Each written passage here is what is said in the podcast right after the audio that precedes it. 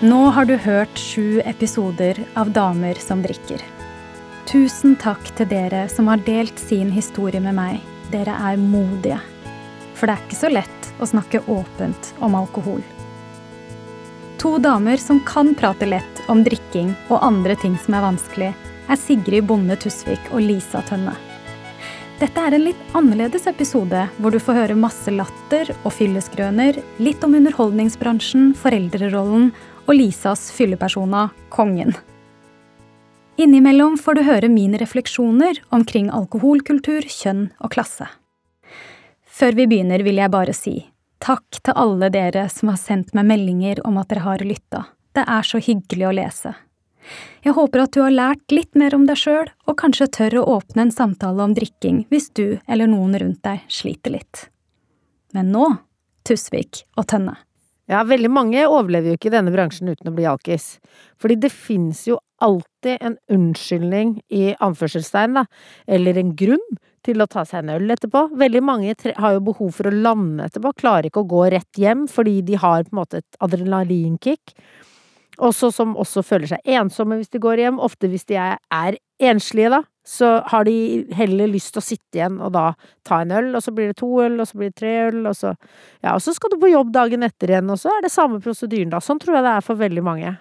Mm. Ja, altså da vi begynte, i hvert fall da jeg begynte, var på Lille i Bygdøyallé, og da var det jo bare på torsdager. Mm. Og det var altså de gøyeste fyllekulene. Det var så gøy. Mm.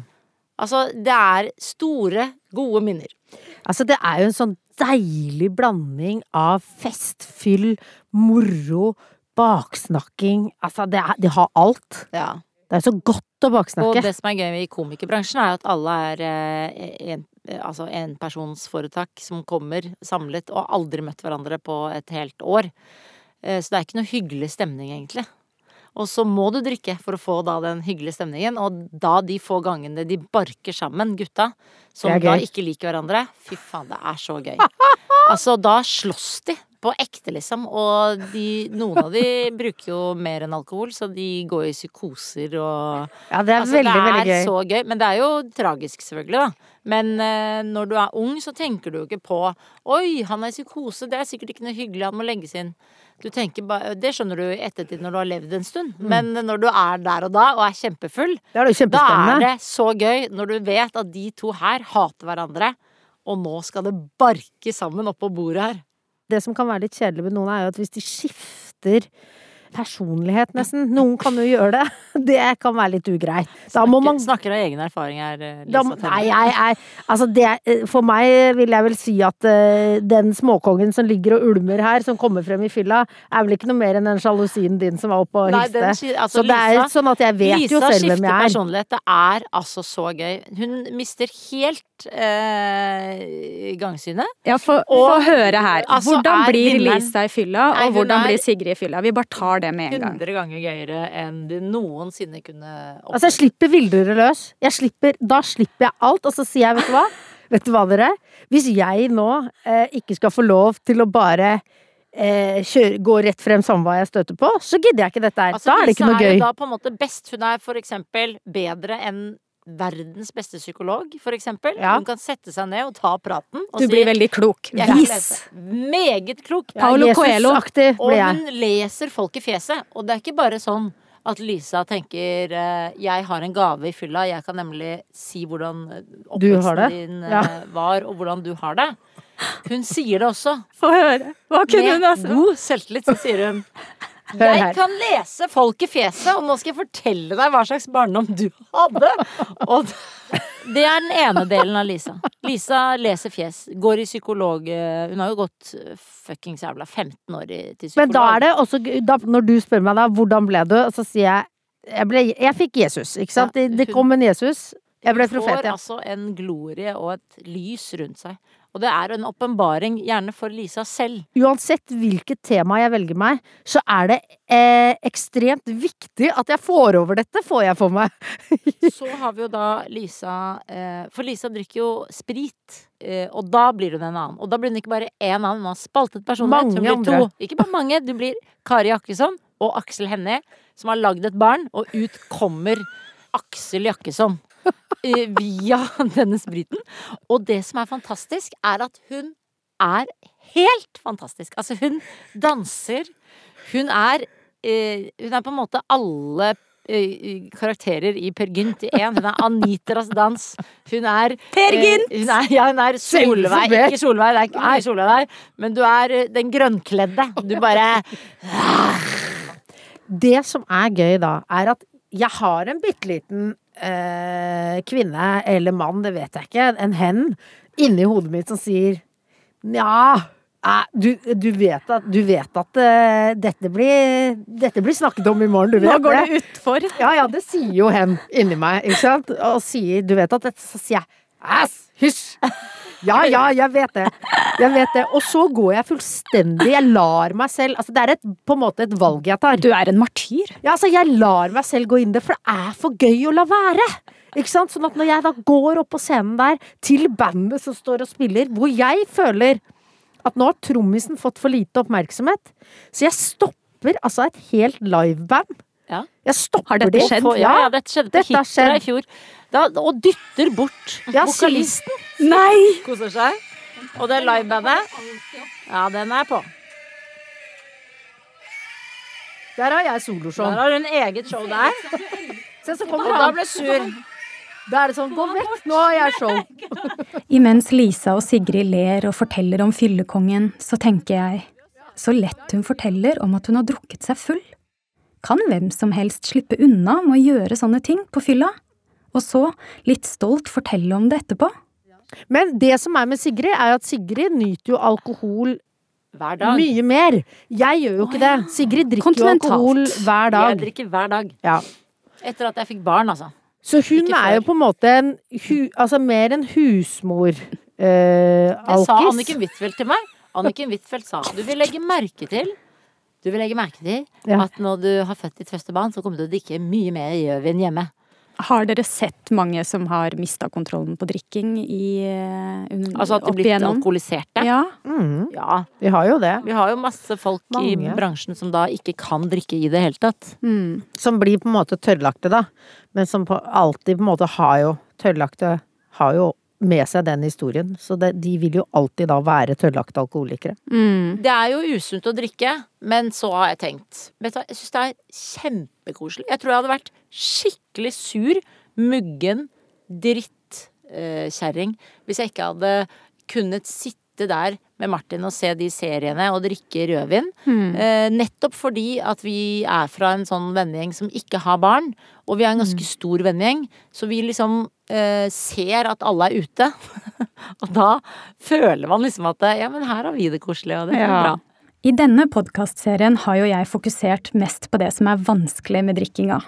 Men det er jo utvilsomt mange som har det gøy og godt med alkoholen også. Jeg synes det høres ut som at Sigrid og kjæresten lager en liten boble som binder dem sammen med livet der ute. Livet de hadde før. Og det høres fint ut. Men dere, fylleangsten. Fordi at jeg veit at du har jo prata litt om fylleangst. Det er lang- kjemisk. Ja, det er kjemisk, sier de, ja. Men fylleangsten kan også være veldig nydelig. Fordi akkurat som forelskelse, så bryter den jo ned stengsler. Så hvis det er mennesker som er vanskelig å nå inn til, så er det veldig mye enklere å nå inn til dem når de har fylleangst. For da er de helt nakne. Ja, det kan være ganske hyggelig å være sammen når man har fylleangst. Og veldig hyggelig å ligge når man har fylleangst. Ja, Liker du ikke å ligge? Det er veldig sjelden jeg syns at det er deilig å ligge dagen etter. Og jeg kan bli ganske kåt etter jeg har drukket, ja. Du vil ha en fysisk opplevelse, tror jeg Jeg vil heller ha nærhet til Burger King mm, enn Ja, men det er også, men det er også en fysisk opplevelse, ikke sant? Mat, sex, altså den type ting, da. Ja. Men da må sexen være Den må være varm og god. Men jeg tror jeg likte det før, eh, før jeg hadde barn. Mens nå er det jo at du er tidlig oppe, en har vært oppe, og det er da som sier jo Martin meg. kan vi ikke ligge sammen mens Jenny kikker ut av vinduet. Se en annen vei. Men hva med å være sammen med ungene fyllesyk, da? Hvordan er det? Nei, det er jo bare å skjerpe seg. Ja. Jeg syns det ofte er koselig, jeg. At man kan bli litt mer Altså man er litt sånn Å, nå er jeg litt sliten Altså man må jo være ærlig på at man var på festdagen før og er litt sliten i dag fordi man har vært sent oppe. Og så eh, kan man eh, ligge i sofaen og tulle og leke og Å, skal vi se en serie sammen, ikke sant? Og så ser vi for eksempel jeg og Lola eh, kan binsje jenter, for eksempel, og ha det kjempekoselig og spise popkorn midt på dagen, og det er veldig kos. Ja, her kommer fylleangsten inn igjen. Både Mathildur, Anna og Ingrid snakker vel så mye om fyllenerver og kvalme som om selve drikkinga i de tidligere episodene. Mat, kos og TV går igjen, og barna får gjerne litt mer skjermtid enn vanlig. Kanskje det er dagen derpå som forteller deg hvordan du har det med drikking. Uansett, det er en enkel og ufarlig måte å starte samtalen på. Veldig mange sier jo, snakker liksom ekstra stygt om fulle, fulle damer. En forsker jeg prata med, sa sånn Det er mange menn som kommer til meg og sier det verste jeg vet, det er fulle damer i 40-åra. Sånn. Mm. Så det er liksom et Ja, du er enig? Ja, Ja. jeg står 100% bak den uh, uttalelsen. Det har jeg sagt sjæl i så mange år at uh, når jeg nå er 40, så er jeg midt i den harde tiden der jeg Og jeg sier det også ofte til Martin. Sier nå må du huske at nå er vi 40, og husk hvor gammel du syns det var når du var 20. Men du mener også at mannen blir det, eller mener du at bare kvinnen blir det? Nei, altså kvinner blir eh, mye, mye verre. Hvordan da? enn, eh, Det er et eller annet sånn derre Det er et eller annet liksom noe Det er sikkert fordi jeg, For det første så kjefter jeg mye Jeg har mye høyere forventninger til kvinner generelt. Jeg mener jo liksom at mannen har, forventer jeg gjør noe dumt, mens jeg forventer av kvinnen voksen kvinne, at hun skal ta ansvar og være fornuftig. Så jeg blir jo veldig skuffa over kvinnen. Og så syns jeg det ser så jævlig stygt ut. Altså, det er jeg bare Å. Der kommer Ja, se der, ja. Ramler disse inn. Med Anne B. Ragde-sveis og skinnskjørt opp under eh, puppene. Og nå skal dere ta plassen, ja. Få, få følge med på dette. Og det er så Det er så voldsomt og bråkete og jævlig. Men du syns jo Men jeg er jo også over 40. Mens når jeg kjører trommesolo, da syns du ikke det er stygt på samme måte? Altså, da har jeg jo mulighet til å filme, og jeg vet at jeg skal eh, mobbe deg for det. Og at du blir i godt humør av å bli tatt på det. Men, eh, men hvis du og fem andre venninner hadde kommet inn på den festen, og jeg ikke kjente deg, så hadde jeg jo hatet deg. Hvis dere var eh, en bråkgjeng. Altså, det som blir vanskelig Det som er vanskelig, er når damer blir At de, bli, de kan bli eh, Altså, det er mye passiv aggressivitet ofte, som ligger litt under. Og så klarer de ikke, kanskje som mannen, å ta den plassen de egentlig har lyst på. Sånn at de på en måte eh, er litt passiv-aggressive og sure for at de ikke får den plassen de har lyst til å ha når de er fulle. Så da blir det litt mer sånn nye, nye, nye, litt mer en nebbete måte å være full på, da. Og det er jo ikke noe hyggelig, det skaper jo ikke en god stemning. Ja, og når man snakker om kvinnen, så er det jo ofte sånn at hvis en kvinne ikke er morsom på scenen, så sier jo folk 'kvinner er ikke morsomme'. Det samme jo gjelder jo også da på en måte vi blir en gruppe. Mye mer enn at mannen får lov til å være enkeltmenneske på fylla. Han var ikke noe kul når han var fyll. Full! Mens han var det. Mens hvis kvinner, så er det kvinner er ræva i fylla. Mm. For det er nok en veldig Det eksisterer veldig at vi, vi det, skal, det er en smal sti. Du skal være morsom, sjarmerende. Du skal jo ikke være tørrlagt alkoholiker, du skal kunne være med på festen. Vi tåler mindre, men du skal ikke bli drita. Ja, ja, Altså, det er det er en, regler, det er- og det er mm. uskrevne regler. Men det er jo også, også fordi kvinner pynter seg på byen, og menn går i genser og bukse, som regel.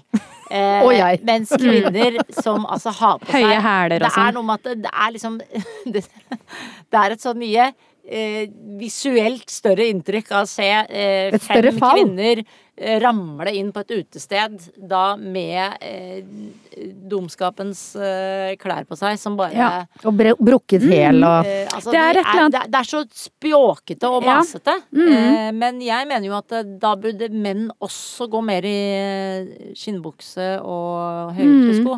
Mm. Ikke at vi tar det ned på at kvinner må gå i jeans og utslitt T-skjorte. Det er veldig synd. Det er Så det jeg heier på at kvinner spjåker seg ut, men jeg mener at man kan i en alder av 40 oppover tenke at eh, min tid som eh, festens midtpunkt er nå over.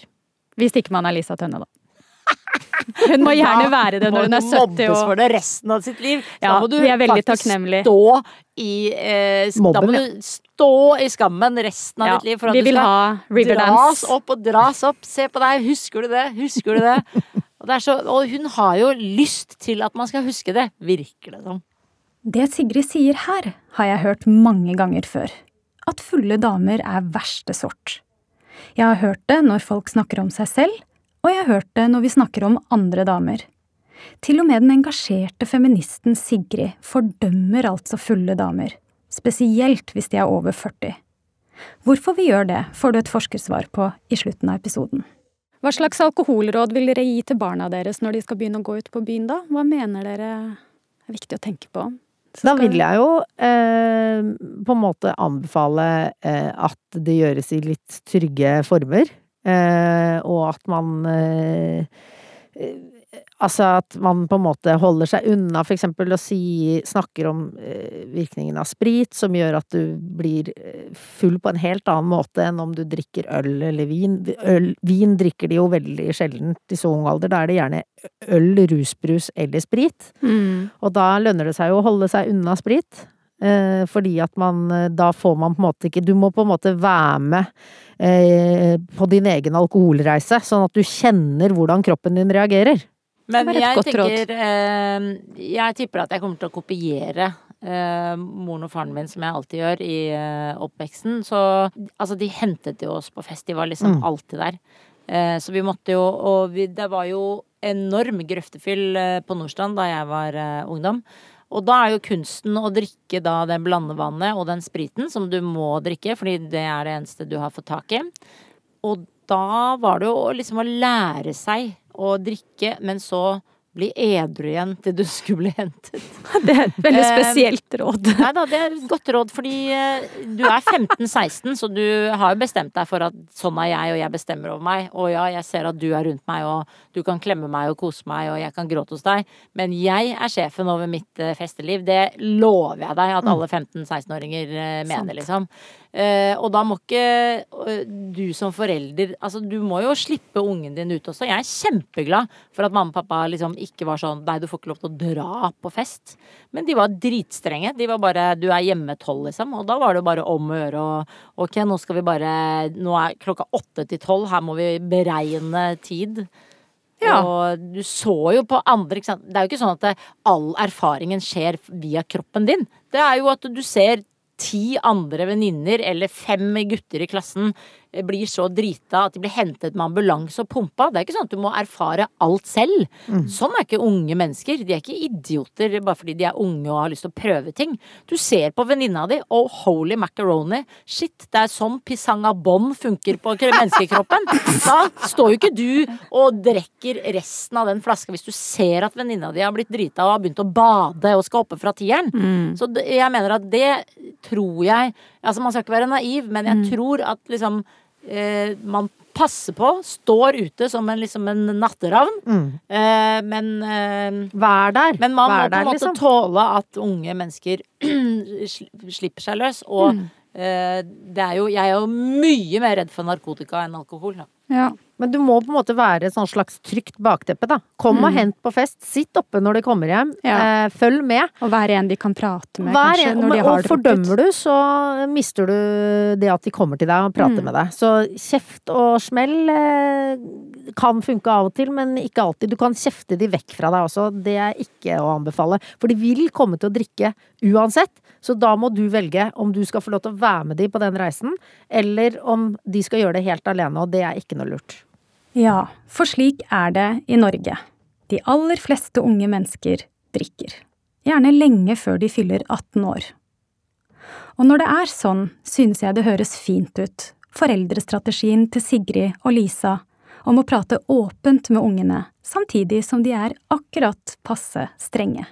Tusen, tusen takk. Vær så god. Dette ble jo ikke så overraskende veldig morsomt. Jeg syns det var befriende å høre en så skamløs samtale om alkoholens gleder og sorger. Jeg tar med meg refleksjonene mine fra samtalen med Sigrid og Lisa til sosiolog og seniorforsker ved Folkehelseinstituttet, Kristin Buvik. Men først vil jeg for siste gang si at Damer som drikker er produsert av Filt Oslo for Av og til. Produsent er Peter Daatland, lydmiks av Daniel Daatland.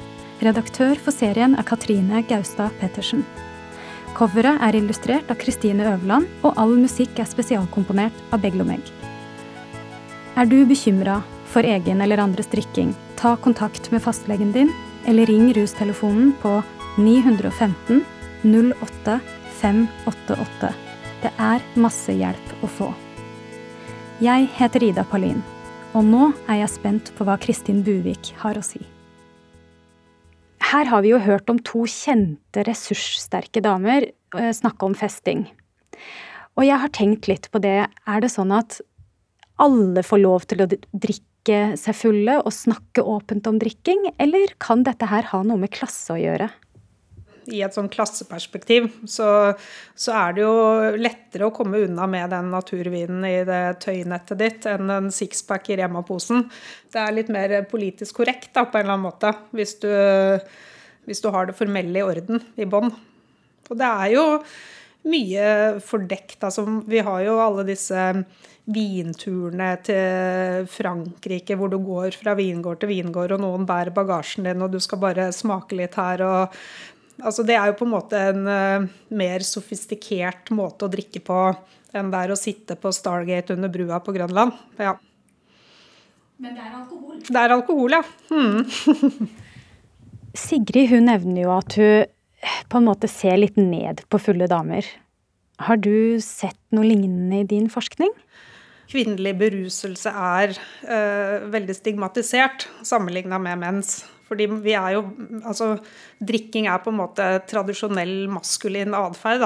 Og at uh, selv om kvinner drikker mye mer nå, og kanskje ja, i hvert fall like mye vin som menn, da, uh, så er fortsatt det der med en kvinne som er bruset, er mye mer stigmatiserende enn hvis det er en mann. Og det ser man jo i studier i, i utelivet og i arbeidslivet, som er de tingene jeg har jobba med. Men vi har jo intervjua eh, kvinner i arbeidslivet om kvinnelige kollegers beruselse.